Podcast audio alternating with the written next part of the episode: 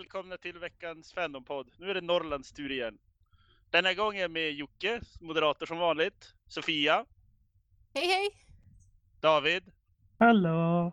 Olof, Hej, hej. Tommy Hallå, hallå! och Viktor. Hallå, hallå! Väldigt stor uppslutning idag. Och förkyld uppslutning. Ja, den här gången är inte jag bakis i alla fall. Eh, den här gången Finns vi första pra- gång för allt. Efter många om och men kommer vi äntligen fram till vi ska prata om spel i fantastik. Vem vill börja? Vem vill börja? Ja, börja du David. Ska jag börja? Ja.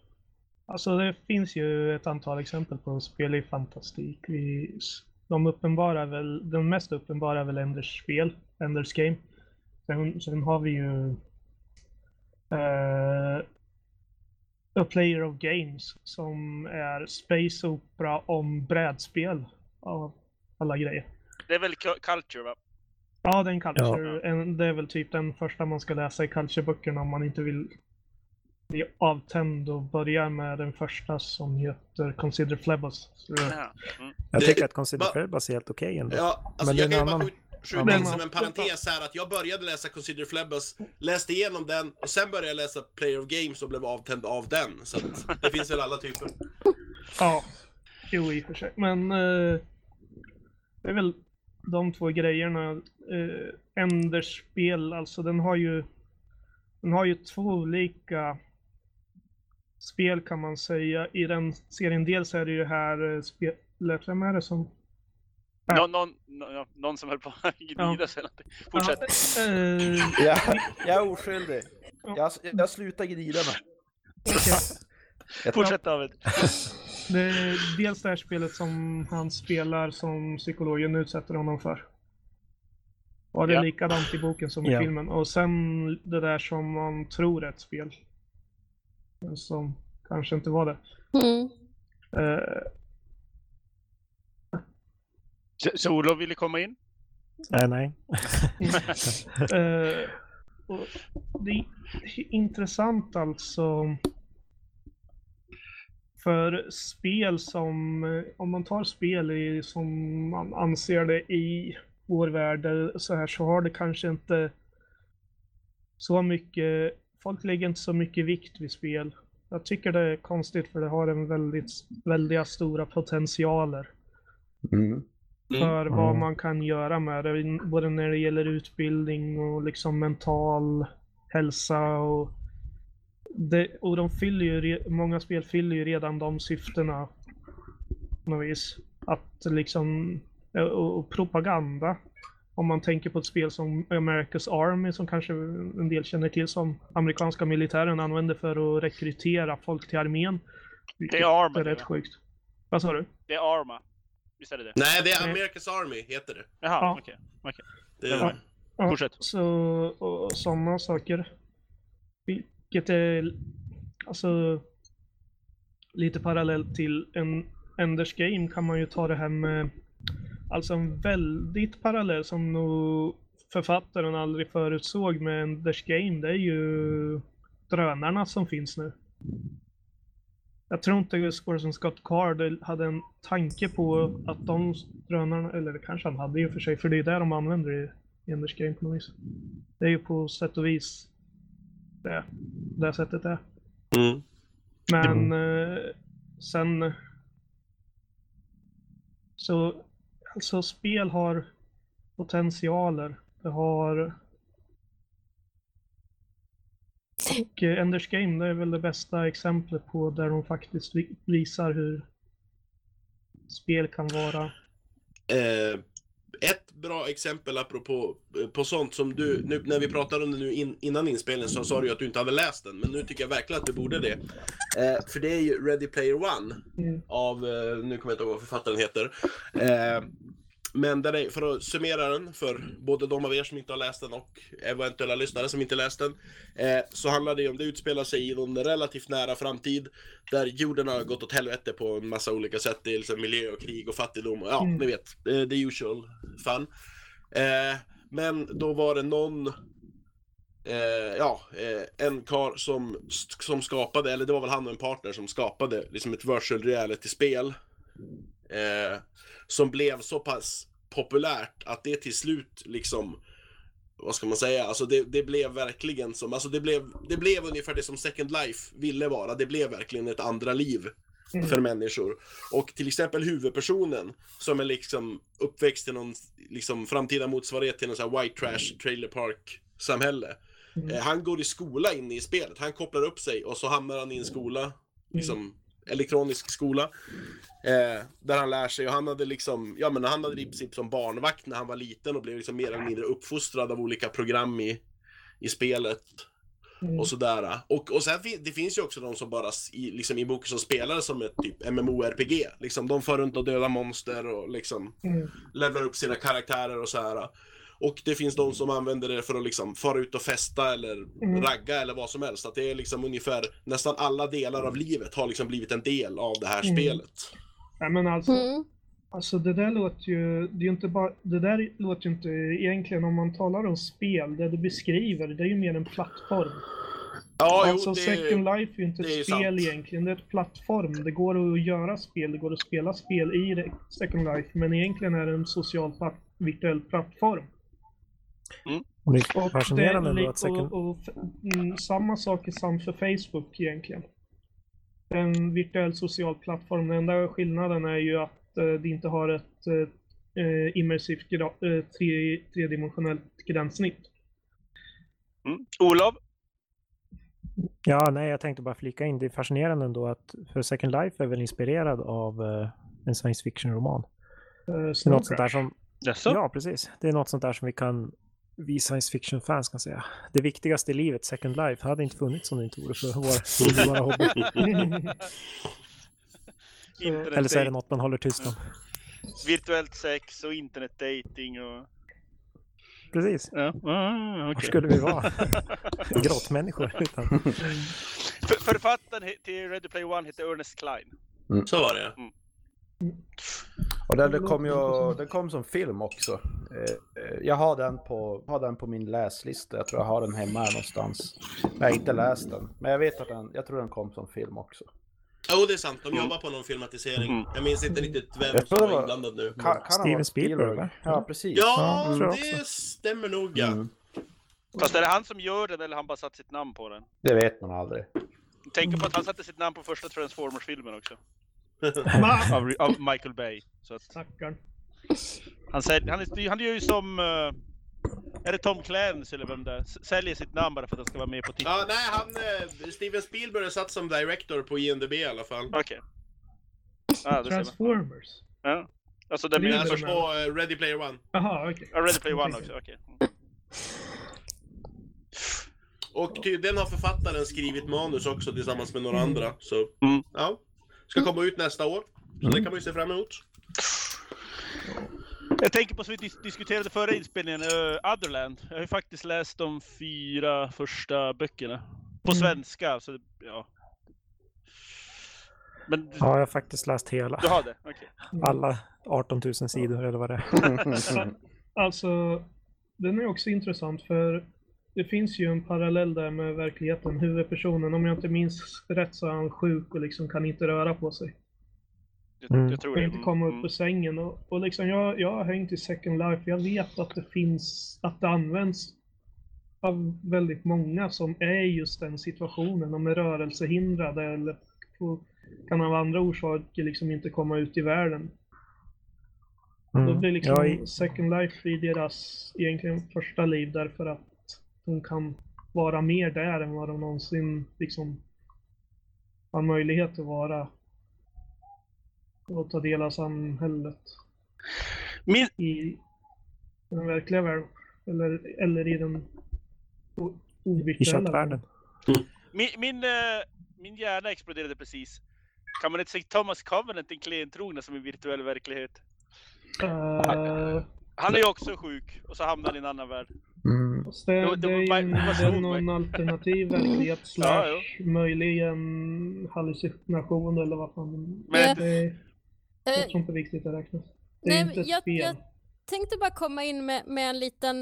Eh, för Otherland finns ju faktiskt... Alltså spelet finns också.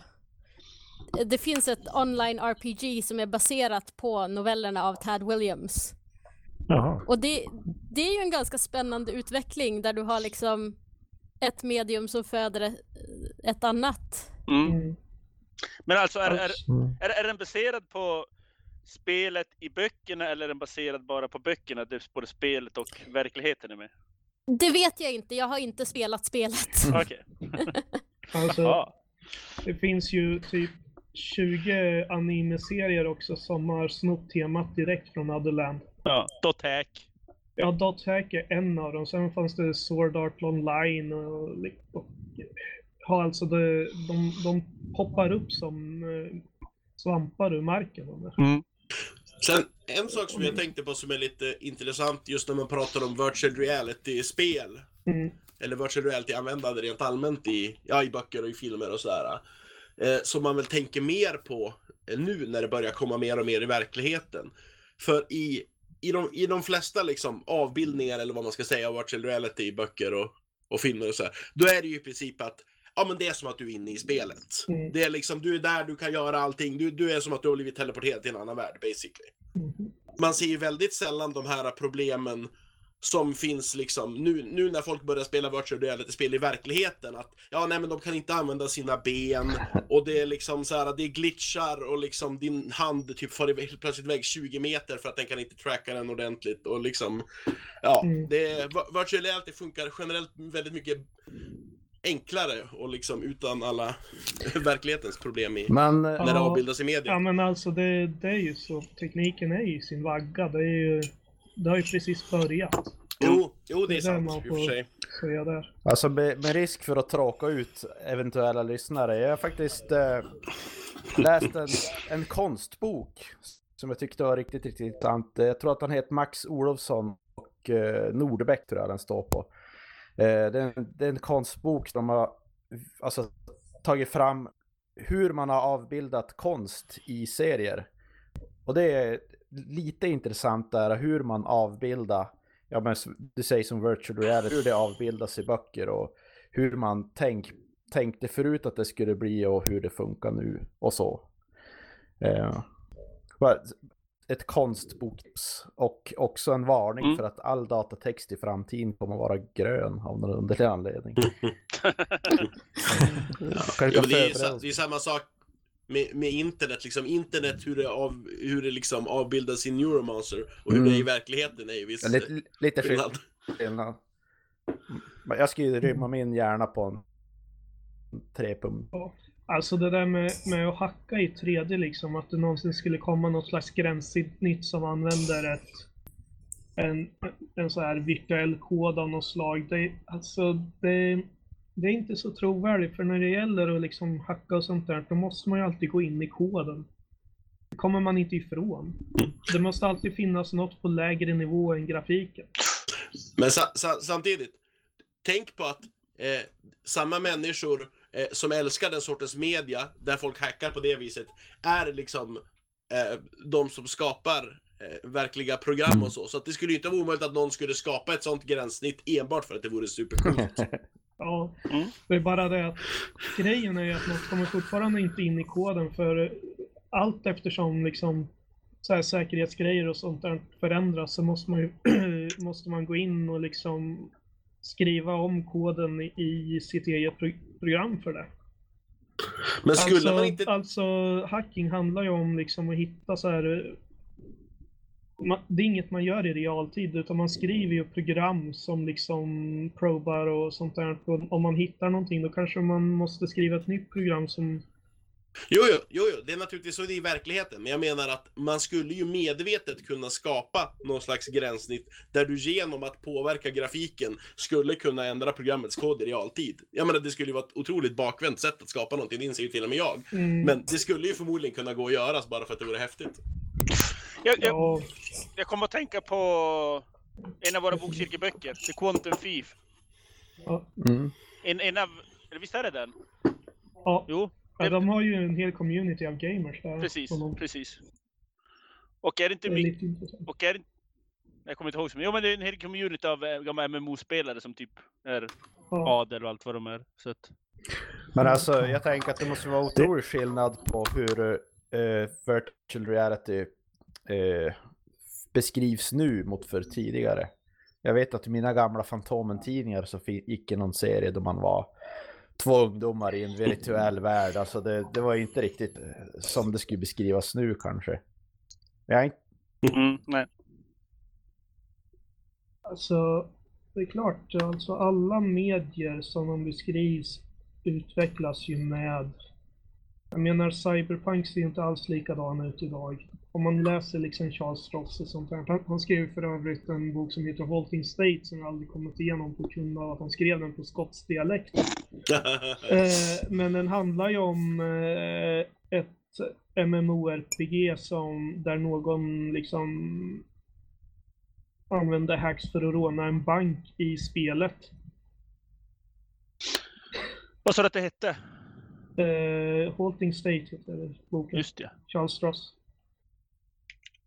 Just det. Ja, för jag kommer att tänka på... Och, och, sån, och liknande saker har ju hänt i verkligheten eftersom det finns ju spel som har liksom verklighetskopplad valuta. Eh, jag tror, vad var det det hette? Jag kommer inte ihåg vad det hette, men det var eh, svensk skapare i alla fall som hade ett spel som som var som där man ja, använde någon jävla scam för att liksom få ut Mm. eh, ja, pengar ur spelet på ett olovligt sätt. Jag, jag kommer att tänka på... Det finns två dataspel med typ man programmerar om verkligheten. Else, Heart.break, situationstecken, slutsituationstecken. Det är ett svenskt spel. Det är ett, det Va? Jag förstår inte vad du säger. Else, Heart.break, situationstecken, slutsituationstecken. Alltså det är ett, det är ett, typ ett peka-klicka-spel. Jaha. Det där är en parentes. Parentes, okej. Parentes menar jag, förlåt. Parentes, slutparentes. Eh, Jag tänkte slutcitationstecken, vad fan är det för någonting? uh, Slut citationstecken. det är skapat bland annat från Blueberry Garden. Det är ett, ett äventyrsspel där man typ kan eh, programmera om verkligheten. Så det är väldigt mycket cyberpunk över det. Men det är väldigt glada färger och... Eh, jag, jag, jag, jag gick in på spelets hemsida nu bara på telefonen. Eh, och jag älskar beskrivningen i alla fall. A game about friendship, love and technology in a place where bits have replaced atoms. Precis. Jag har inte spelat det, men Ja. Mm. jag har, jag har det på Steam bland annat. Så att, Annars har man ju Sen- Watch Dogs som man vill leka hacker. ja, jo. Mm. Ja men alltså just det här med att, att, att skapa spel har ju också blivit en, en spelgenre så att säga. Jag vet, jag menar det finns ju de som sitter i, i den vanligaste är väl liksom det här i Minecraft att du kan, du bygger labyrinter eller någonting till någon annan. Eh, men jag menar sen finns det ju spel som Spark där du får liksom, du får alla verktyg och du får ett väldigt förenklat programmeringsspråk. Där en del av spelet är att du bygger ett spel Mhm. som du Mm. sen kan publicera för andra att, att spela och så får du feedback på det då. Vad sa du att det Men vänta ett tag, Spark, är det ett spel eller är det en plattform för att bygga spel? Eh, både och skulle jag säga.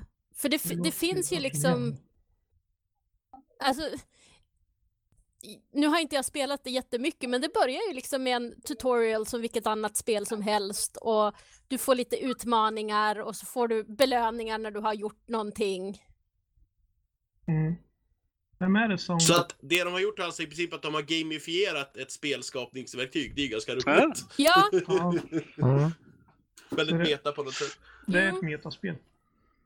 Det är det helt klart. Det, det är ju samma sak som eh, av... Uh, herregud, vad heter de?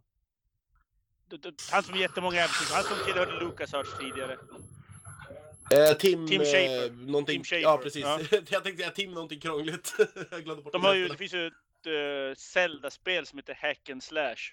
Spelet går ut på att man ska, man ska istället för att typ döda motståndarna så ska man hacka motståndarna. Så får man, man får skriva in programmeringskoder liksom för att du, du stoppar fienden. Nu blir, nu blir den om man bara har någon eldmagi så kan man typ bli den allergisk Vem är det som skrapar på micken hela tiden? Nej, inte jag. Försök att inte äta micken. Sitt still. Jag sitter helt still. Så att, ja, men det här det är ju hackerspelet. Jag bara tänkte du Tommy, du sa om uh, Watch Dogs också. Det är ju Mm. liksom... eh, Det är kanske mer ett spel om, vad man säger som eh, företeelsen hacker än, än än snarare som att hacka. Jag vet inte, jag, Ja, jag spelade första men... Det känns som det är snar... Det är väl snarare någonting som typ eh, gjorde en först, släppte en första trailer som typ förtrollade alla och sen krossade allas hjärtan i det faktiska Ja, spelet. ja, ja, det också. Det också. Mm. Ja, men det är så GTA fast man typ hackar uh, lampposter och trafikskyltar. Precis. Mm. Vilket har hänt i här- verkligheten. Ja, jo. Det vi väl pratat om, om förut. Ja. Det är Internet of Things-botnetet som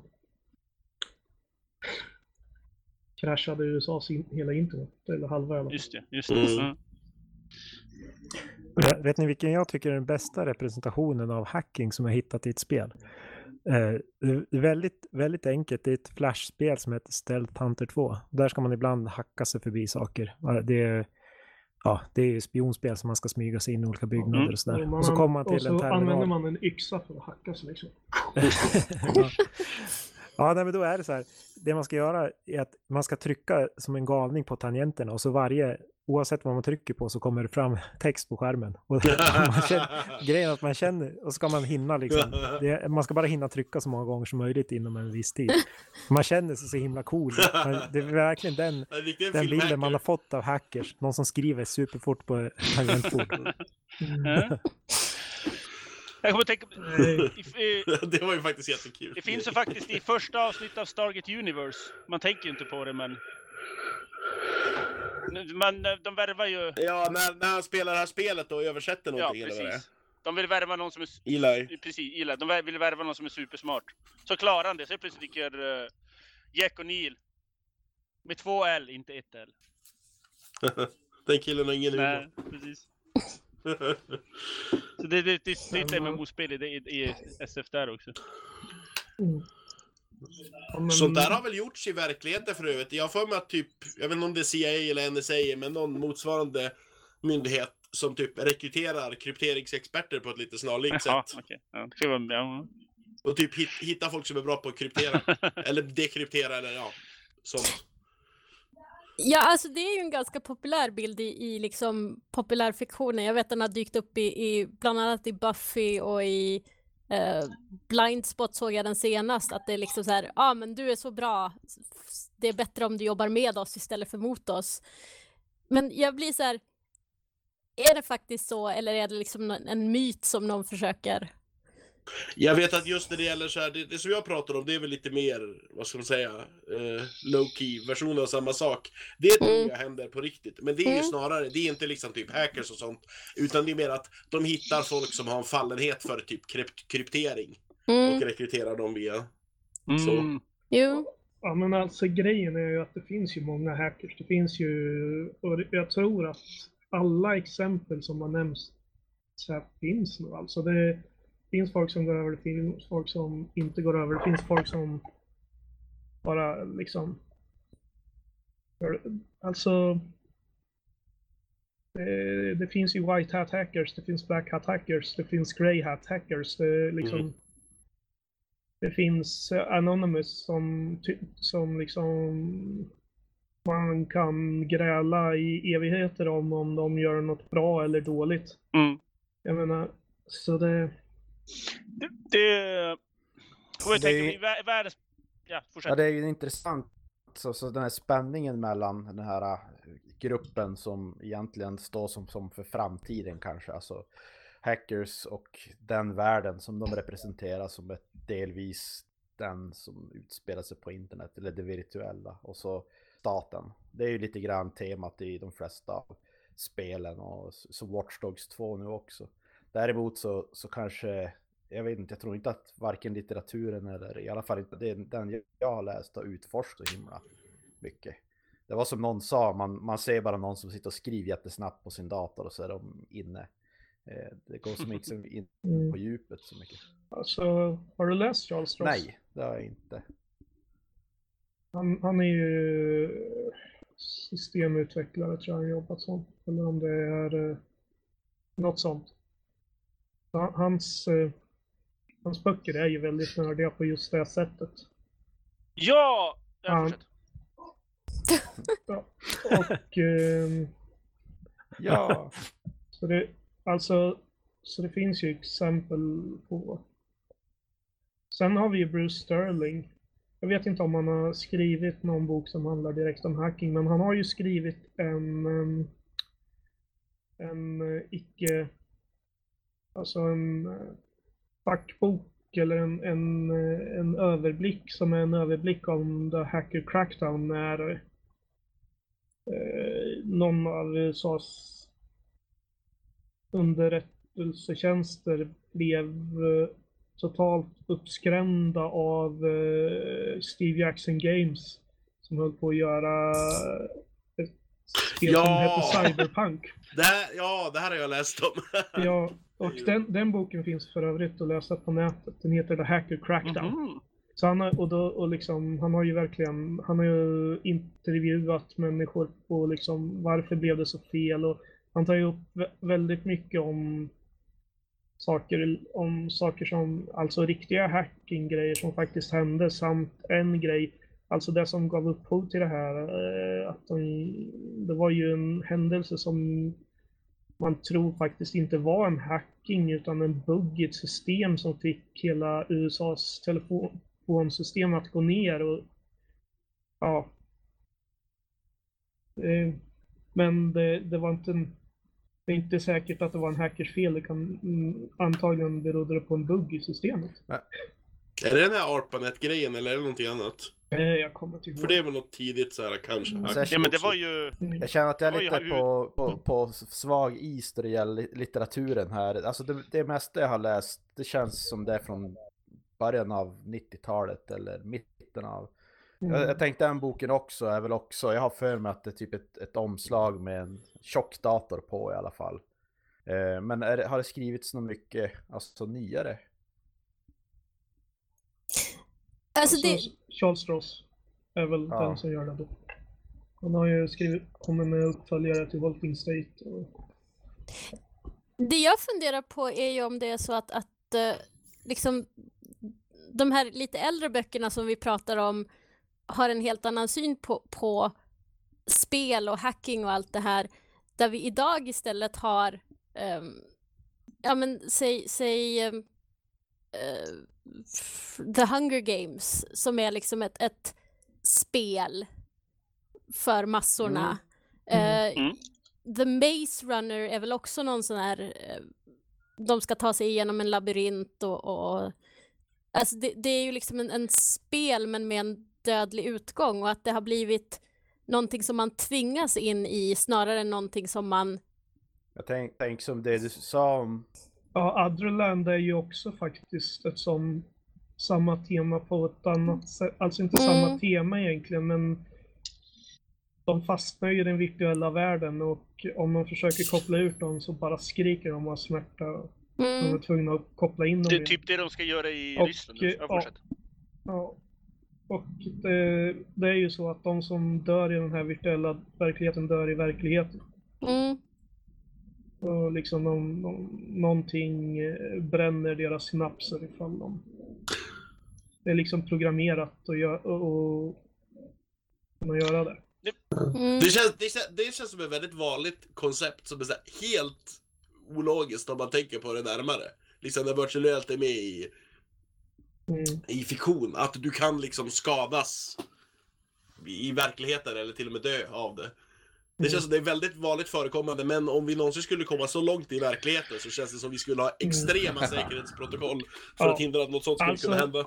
Alltså ett vanligt tema, liksom Sword Art Online, den här anime-serien, där har de ju... Alltså problemet i den serien, det är ju att skaparen av det här har liksom apterat utrustningen man har på sig så att så att eh, den liksom har ihjäl folket om man försöker ta sig eller om någon dödar den i spelet. Så det är ju inte själva liksom döden i spelet som tar livet av den utan det är utrustningen liksom som känner av att din avatar i spelet dog och, och så dödar den. Sen, sen ett, ett klassiskt exempel på sånt här och ett annat spel i liksom en fantastik som vi inte har pratat någonting om än är ju fucking holodecken i Star! Trek. Så här, hur kan det komma sig att man skapar det systemet där det faktiskt är möjligt att äh, men någon slår ut säkerhetsrutinen och helt plötsligt så kan, du, kan allting Jag är mörda dig? imponerad. Jag är imponerad så tänkte jag ta upp det. Skulle du ta upp det av alla personer? Jag är fan imponerad Viktor. Precis. Bara för att jag inte är något överdrivet fan av Star Trek betyder inte det Ja, att jag känner till jag- Holodex. Det är ganska Ja, basic men det är, det är en klassisk historia liksom. Alla säkerhetsprotokollen går sönder och så... Ja, så typ eh, kan man dö så fort de typ skjuter på en och allting sånt.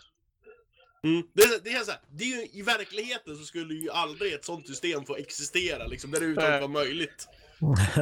Man, går till, Så, man går till är affären och ska köpa virtual reality set. Och så får man en hjälm, två handkontroller, en giftampull. Ja, Då ska man dra öronen åt sig. ja. Efter just att spela Resident Evil i virtual reality så känns det lite som att någon skulle ha tänkt på det, faktiskt. Det känns eh, inte bra om, om det här släpps lös. Nej, men alltså grejen är väl, de har ju säkerhetsprotokoll i, i Jo, men de går ju alltid sönder. Det är bara det att Jo, de jo, men det, jo, jo, jo, jo, men det borde ju inte... Funktionen borde inte finnas. Du borde inte behöva blockera funktionen. Funktionen borde inte finnas till att börja med. Mm. Det borde inte vara möjligt för holodeck-kulor att faktiskt Precis, göra hål i dig. Ja, men alltså, alltså, alltså utan den möjligheten så skulle du inte kunna gå och göra den typen av taktil upp, upplevelse som holodecken är på det Jo, du sättet. skulle, du skulle ju kunna begränsa kraften. Att du kan känna när någon tar på dig, men de kan inte ta på dig tillräckligt hårt för att bryta din arm. Mm. Det är enkelt liksom att det inte... Ja. Eller att man får ett pop-up fönster där det står Nu har du blivit dödad i, på holodeck. Vill du även dö på riktigt? Vi Bra.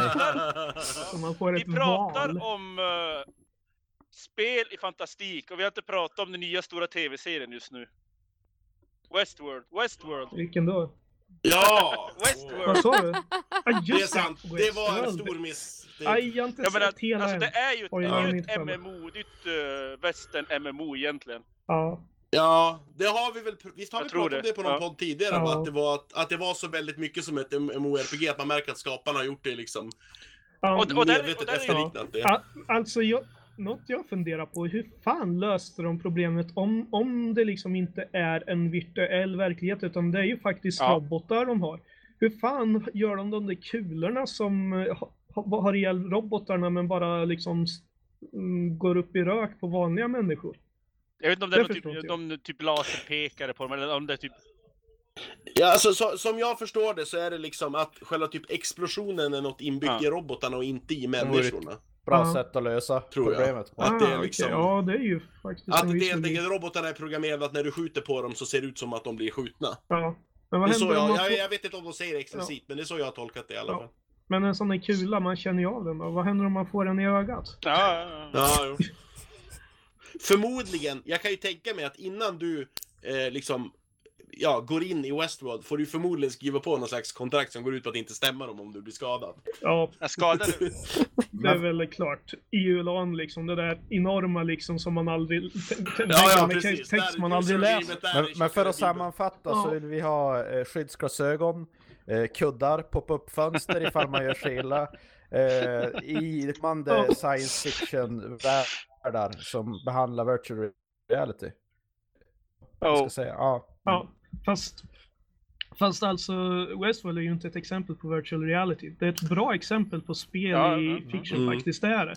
Men eh, det, Ja. mediet är ju inte virtual reality, det är ju...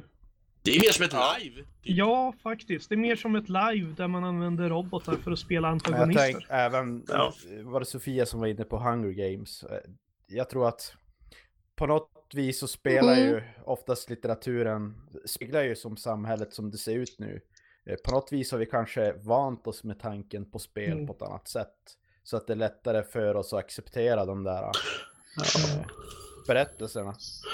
Alltså, Så, så, så, ja, jag, vet, jag tänker samtidigt att just Hunger Games känns ju mer alltså, besläktat med typ gladiatorspel och så, Mm. snarare än spel i modern Jag tänkte lite att det ska vara som Alltså, en så här, det är ju...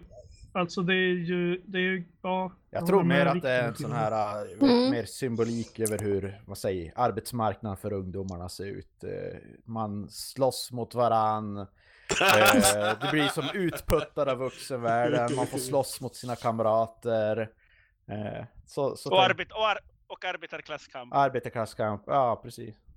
Alltså det är ju, en- så har jag aldrig tänkt på det, men det låter ju alltså... Det, jag vet inte om de har tänkt så, men det, det är ju Ja. jävligt intressant.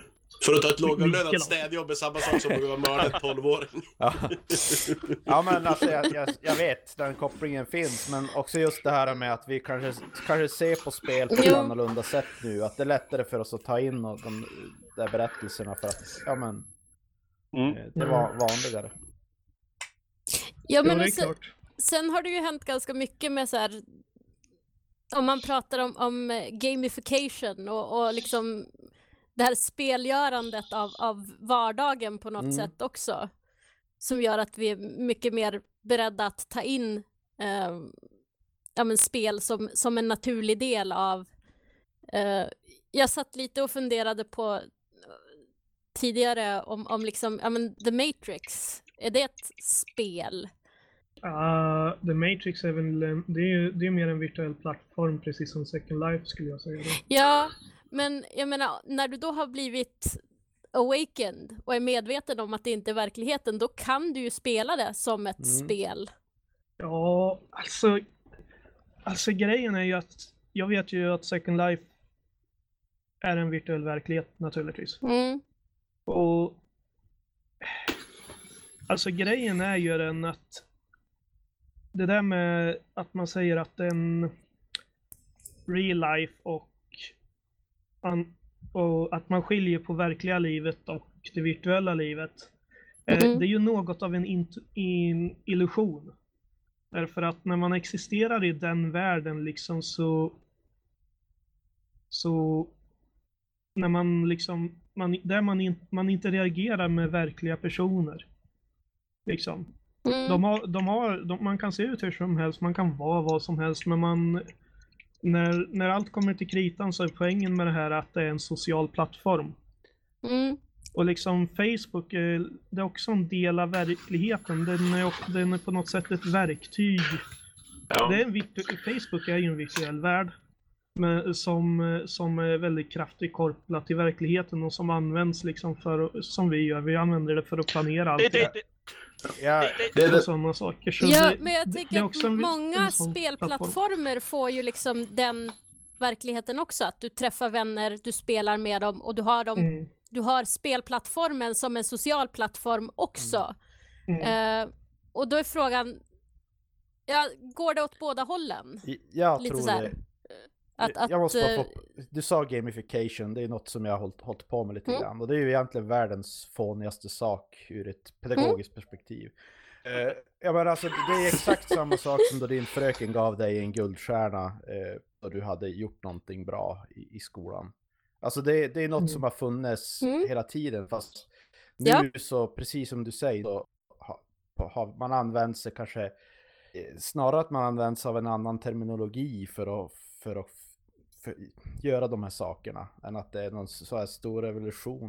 Framförallt så känns det ju som att det är väl också, som jag uppfattar det i alla fall, alltså, nu mer av ett Ja. tävlingsmoment i det. Det är väl sällan, alltså när man fick en, en guldstjärna av fröken, det var väl sällan som man räknade ihop här, ja men jag har fått 18 guldstjärnor Ja, det- i terminen, du har bara fått Ja, det- 15, det har du rätt du är en jävla loser. Att det är liksom tävlingsmomentet känns det som Ja. att det är viktigt för att sporra, alltså för vissa människor i alla Ja, fall. det- För att det- de ska sporras. Ja, för andra människor är det hemskt.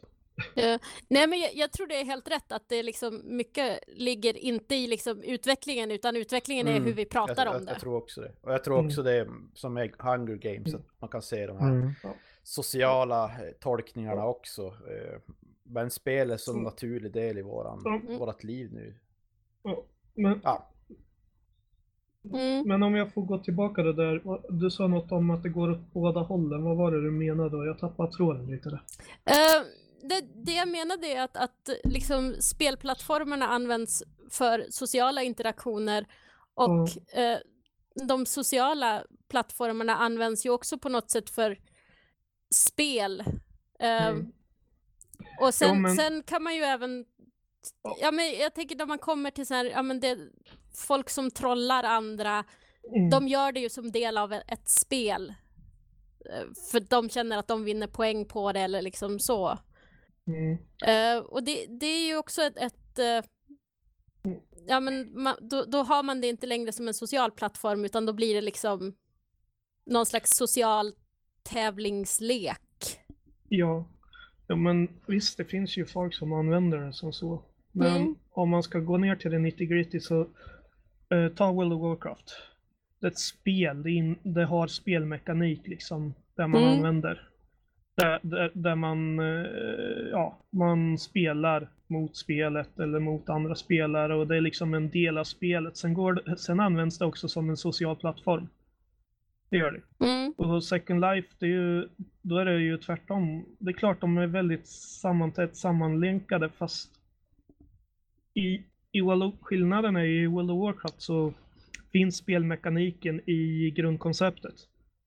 Medan Mm. i Second Life finns det ingen spelmekanik förutom den som, de, som eh, användarna själva gör. Mm. Och, och visst, i Second Life är ju ett, eh, li, blir ju exakt abstrakt eftersom det fi- finns ett skriftspråk som man ska skriva faktiska, faktisk spelmekanik i själv. Mm. Men det är ju ett spel som existerar i plattformen. Liksom. Det gör, det gör ju grund, grunduts, grundförutsättningarna för Second Life är fortfarande en tom social plattform tills användarna kommer och fyller den med vad- där de vill fyll- fylla den med. Alltså jag tycker, Mm. nu hakar jag Så upp det- lite grann, men just det här att eftersom saker och ting händer så snabbt så kommer vi kanske att behöva andra typer av, alltså mer definierade ord för att förklara saker och ting. Eh, Det är som nu, vad heter Mästarnas mästare. Eh, Det diskuteras väl lite grann huruvida e-sport verkligen är en, sp- eller hur den är. Kanske dumt att dra upp det där jag inte ser Mästarnas Mm. mästarna, men jag, har- jag har fått det förklarat för mig. Eh, det var en kompis till mig som sa någonting roligt. Han menar att single player eh, spel på tv-spel egentligen inte är spel. Han menar att... Va? Ja, men... Eh, Om, kan du slänga in sån här bomb mot slutet? Ja, jag vill också lägga in en alltså- protest. Alltså spel är ju, alltså vad det är spel, det, är ju, det innebär ju att man har skapat ett sätt regler. För, eh, och för att liksom, eh, eh, för att skapa en sätt utmaningar som man kan eh, Jag tror att som överkomma. jag tror Så de jag förstår inte flesta... riktigt hur, eh, hur, hur han Precis, definierar de spel. flesta, eh, men bara för att som diskutera begreppet så eh, man tänker att schack det är ett spel, man spelar mot varann. Eh, ja, om man har någon sorts ursprunglig def definition att man interagerar med någon i en, i en, med en uppsättning regler så skulle det som single player falla ut eftersom det är ingen människa man spelar med utan det är datorn. Men det blev lite, lite, lite Men då är det ju, då är det ju vissa att- idrotter som skulle falla bort också. Jag menar, jag kan ju Ja. spela golf på egen hand. Och bara liksom Ja, försöka få bästa resultatet. Vilket i mitt slag Ja. för fall förmodligen skulle vara typ Jag tror inte- 378 Ja, det är slag per diskussioner år. om Men Jag tror ändå. inte det var en... Eh, jag tror inte det var ett allvarligt förslag. utan Men alltså betyder det att spel med en Ja, high score-lista räknas? kanske. Ja men och då har jag en annan, för jag, jag drog ner och spelade eh, Vampire Prelude, det här eh, appen som är baserad då på Vampire the Masquerade. Eh, och det är ju på något sätt marknadsfört som ett spel, men Mm. jag skulle ju kalla det för en, en interaktiv fiktion. I det att du får en rad val, alltså det är som de här gamla böckerna, liksom, ja men vill Mm. du gå, ta dörren till höger, bläddra till sidan 53. Vill du ta dörren till vänster, bläddra till sidan 87. Men de, Bästa de, de, de, de, de räknas väl till rollspel? Det definierat som inte som det. Jo, Alltså Men det, det är det också- finns ju de, Visual vad heter de? De är ju poppis i Japan typ. Ja precis, precis. Sluta läsa De-. Det låter ju mer som en sån. Och de är väl någon slags halv, liksom, ja. Det, det är väl många som inte riktigt betraktar dem som spel eller vad man ska säga. nej men som sagt, de räknas ju in under rollspel och, och så. Men eh, ja, det, det, det finns ju ett gränsland mellan spel och icke-spel så att säga. Ja, vart ligger den gränsen? Ja. Mm. Jo, Jo men det är, det är intressant också, om vi tar sådana här äh, alltså, böcker som Sofia pratade om. Där det liksom så här bläddra till sidan 74 om du vill öppna dörren och sidan 80 om du vill springa därifrån. Det är liksom, skulle vi betra- betraktar vi det som ett spel? Alltså, Ja, naturligtvis. alltså, alltså tänk kod. Tänk, tänk i kod. Om, om du gör ett sånt spel på datorn, Ja, jo, jo. då, då kommer koden se ut så här. If Eh, Jo, och, så, tänk- och så skriv liksom input yes eh, eller uh, go to. Så utför det här och så hoppar Mm. det vidare liksom. Om man kollar jag tänkte på... det också, om man det, det överensstämmer med mina begränsade programmeringserfarenheter. Ja, precis. Ja, men alltså grejen är ju att om man kollar på koden i alla spel som har en handling i sig, som inte bara är spelmekanik, så fungerar den på exakt samma sätt. Bara att dat det är datorn som bläddrar till rätt sida åt det, så man märker liksom inte av att den bläddrar. Det är liksom, den döljer den delen. Men, i, Jo, jo. men om man kollar på koden så fungerar den på exakt samma sätt som en sån här bok. Jo, jo, naturligtvis. Det gäller ju precis allt. Men... Mm. Eh, ehm, jag menar, på, det kommer på samma sätt. Vi människor fungerar ju på sätt och vis så också. Du säger någonting till mig. Min hjärna går igenom x antal alternativ som jag kan liksom svara Mm. med. Men det är ju så pass komplext att vi inte liksom ser det på det sättet. Och samma sak gäller ju de flesta moderna spel också. Jag använder, eh, alltså som du beskriver, det är, det är så jag brukar beskriva i, liksom konditionaler för barnen på Kodcentrum. Liksom. Jag Mm. använder riktiga värld, vä- exempel i riktiga världen där man, där man har olika val. Och Mm. mm. på så här. Ja, men jag tänker att där kommer vi lite till skillnaden också mell- mellan en social plattform och ett spel, om vi går tillbaks till det. Att liksom ett Mm. spel har ändå en, en handling och liksom specifika saker som du ska göra, medan en social plattform är Helt öppen. Ja, och det är ju där som, som det kommer också att, att det här med open world games, Mm. eh, liksom att, att ja, men, du kan göra det här, men du måste inte. Du kan gå och Mm. göra något helt annat. Och då är det så här, ja men är Minecraft ett spel? Ja, det är Jag, det ju. jag tror men... att det finns en... eh, Alltså Minecraft, Ja, det- eh, Minecraft är ju en så kallad sandlådespel, tror jag Mm. man definierar det som. Men Mm. Alltså, och sen själva spelelementen i de där, det beror ju väldigt mycket på olika moddar. För det börjar Mm. ju verkligen som en ren sandlåda, det fanns inget mål. Och det, Mm. det är ju faktiskt något som diskuteras av folk som vet mer om det här. Om Minecraft liksom i grundutfärgen det verkligen räknas som ett spel är något som diskuteras av folk som kan mycket mer. Alltså Mm. debatteras av folk som kan mycket mer om sånt än vad jag kan. Tommy, Jo. Till exempel. Ja, nej, Så- jag, jag, jag, Svår fråga. Mm. jag tror bara att det finns någon definition som, på spel som, som tävlingsinriktad sysselsättning eller något sånt där.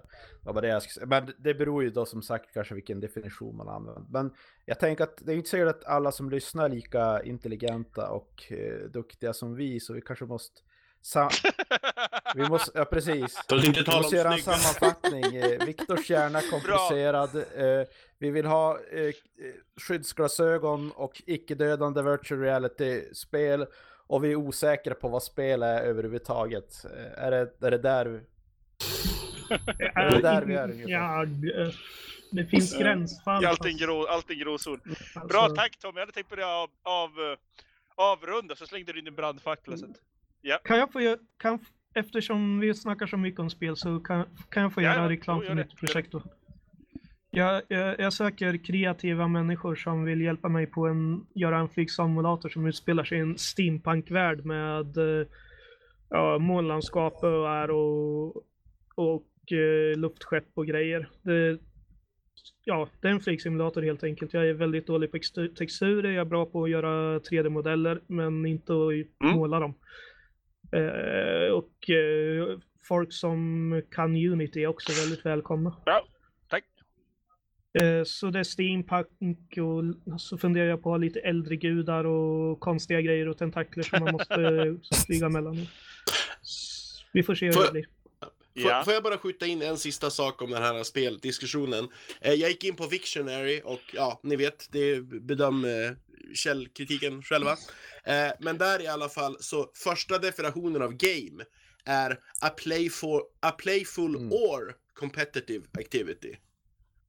Så Mm. det var inte liksom playful and competitive, utan det kan vara antingen eller. Eh. Fast engelskan skiljer ju inte på spel Nej. och lek. det var det jag tänkte säga. Mm. Game är ju både spel och lek. Ja, det finns ju de som säger att SimCity och Alltså, Minecraft och sånt vi- är vi lek, gör det bara värre. spel. För att det finns Mm. inget uttalat mål. S- sluta fort! Ja. Fast det, alltså oavsett vad man definierar det som så om Ja. jag får avsluta med det så, så finns det ett värde i det. Både i lek, Ja. eh, var, oavsett om man kallar det för lek eller spel, så finns det ett värde i Minecraft där man själv kan vara väldigt kreativ Nej. till Bra! exempel. Jag vill hävda motsatsen. Jag ska Och, spela eh, nu. Jag vet, vad ska jag göra på min Xbox nu? Oj, ingen aning. Kan jag få gamerscore om jag får ut och lek? Jag, jag är jätteförvirrad. Ja. Ja. Så, så, det, jag kan, så, så, Ja, men alltså, jag tror jag låter dig vara förvirrad där. Det känns som det är rätt så, så, så länge sak att göra i det här fallet. spelar. Och nu, har- nu har vi tyvärr pratat så länge så att nu är vi uppe i 50 minuter redan. Så nu får, så, så nu, så nu får ni inte berätta vad ni har uh, hittat på för något spännande senaste, senaste tiden. Jag ska, jag ska, Ja. Nej, men, men en grej. Följ oss på sociala medier. Och Om, Ja, om, jo, Twitter, Facebook, Twitter-kontot. Insta. om det nu är sociala medier. ja, det är jag som sociala medier. Twitterkonto Är det ett också? spel? Vi är Ja. fancy. Det är jag som är sociala medier-experten på. Det är jag som har ansvar för det. Får jag bara komma med en jättesnabb grej? Det finns en film som heter Avalon som är gjord 2001. Det är en polsk-koreansk samproduktion och den handlar faktiskt om eh, virtual reality-spel. Och, och, och alla Ja. borde se den men ingen har sett den. Så se Eh, den. Polsk-koreansk. Jag, jag har sett den. Det är, det är klart jag har sett den. Det är ju för tusan Mamu Hiroshi som regisserat den. Han som Duktig! regisserade Ghost Bra. in the Shell. Yes. You had me at korean. Ja, eh, och, och en bra, japansk då, regissör. då ska jag Ja. bara berätta vad som har hänt i Norrland senaste tiden. Förra helgen var det ju Steampunk Umeå Frost Night 2017, lördag den 11 mars. Det är ju om ett år igen. Eh, vi har ju pubkvällar 20 mars, 3 april, 17 april, 1 maj och så vidare.